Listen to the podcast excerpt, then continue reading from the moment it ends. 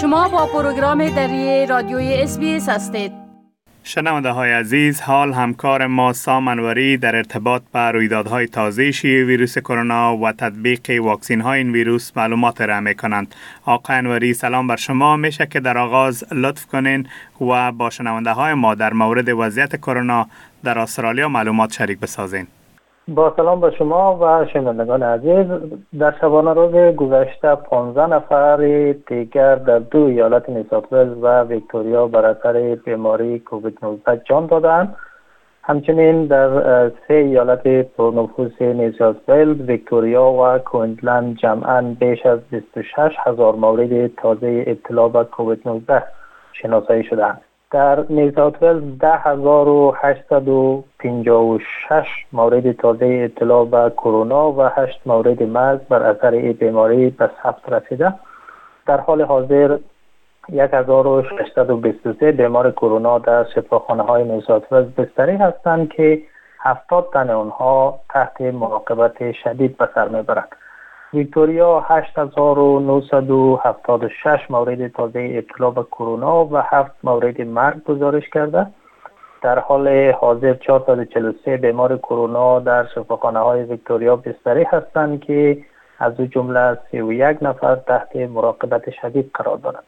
و در ایالت کوینزلند 6467 مورد تازه ابتلا به کووید 19 گزارش شده. هیچ مورد مرگ نداشته.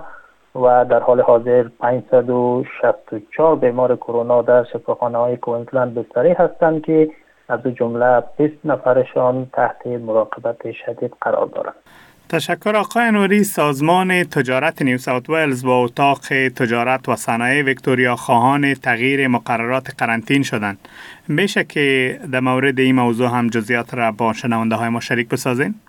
بله همونطوری که شما اشاره کردید سازمان تجارت نیوزاتول و اتاق تجارت و صنایع ویکتوریا خواستار تغییر مقررات قرنطینه برای رفع مشکل کمبود نیروی کار شدند این سازمان ها از حکومت های ایالتی خواستند که کسانی را که به عنوان تماس نزدیک افراد مبتلا به کووید 19 شناسایی میشن اجازه بدن که با انجام آزمایش سریع روزانه و کارشان ادامه بدن دانیل هانتر مدیر سازمان تجارت نزاد ولز گفت که با توجه به آمار بلند واکسیناسیون استرالیایی ها نشان دادند که ظرفیت ادامه کار و زندگی همراه با ویروس را دارند. آقای هانتر مقررات فعلی قرنطینه را مانع برای تجارت ها و کسب و کارها توصیف کرد و گفت که تحت مقررات افراد صحتمند به طور غیر ضروری مجبور ساخته بشن که خود را در خانه قرنطینه کنند.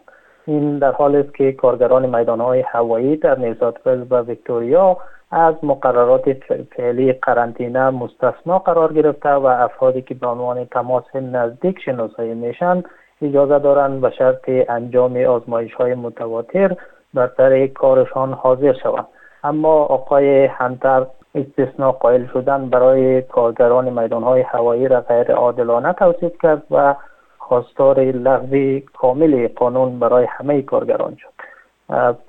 پول گوورا مدیر عامل اتاق تجارت و صنایع ویکتوریا هم گفت که کمبود کارگر همچنان یک مشکل جدی فراراه کسب و کار هاست و افزود که حکومت باید اجازه بدهد که اونها یعنی کسب و کارها با ظرفیت کامل به کارشان ادامه بدهند آقای انوری حال اگر لطف کنین و درباره آمار مجموعی مبتلایان و قربانیان ویروس کرونا در استرالیا و سراسر جهان معلومات بتین. بله رقم مبتلایان کرونا در استرالیا تا امروز به بیش از 5 میلیون و 225 هزار نفر و شمار قربانیان ویروس هم به دست کم 6 هزار و 786 نفر رسیده. از سوی دیگر تا اکنون بیش از 57 میلیون و 177 هزار دوز واکسن کرونا در سراسر کشور تطبیق شدهاند. 86.6 درصد جمعیت واجد شرایط کشور تحت پوشش برنامه واکسیناسیون قرار گرفته که این شامل 83.4 درصد واکسیناسیون دو دوزه و 51.5 درصد واکسیناسیون سه دوزه میشه.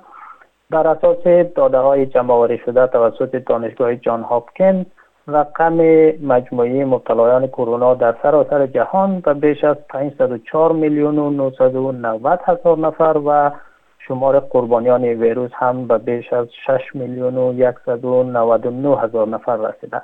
ایالات متحده آمریکا با ثبت بیش از 80 میلیون و 686 هزار مورد ابتلا و بالای 988 هزار قربانی هنوز در صدر فهرست جهانی کرونا قرار دارد همچنین تا اکنون بیش از 11 میلیارد و 181 میلیون دوز واکسن کرونا در سراسر جهان تطبیق شده. آقای سامنوری تشکر از این معلوماتتان. روز خوش داشته باشین. تشکر از شما. خدا نگهدار.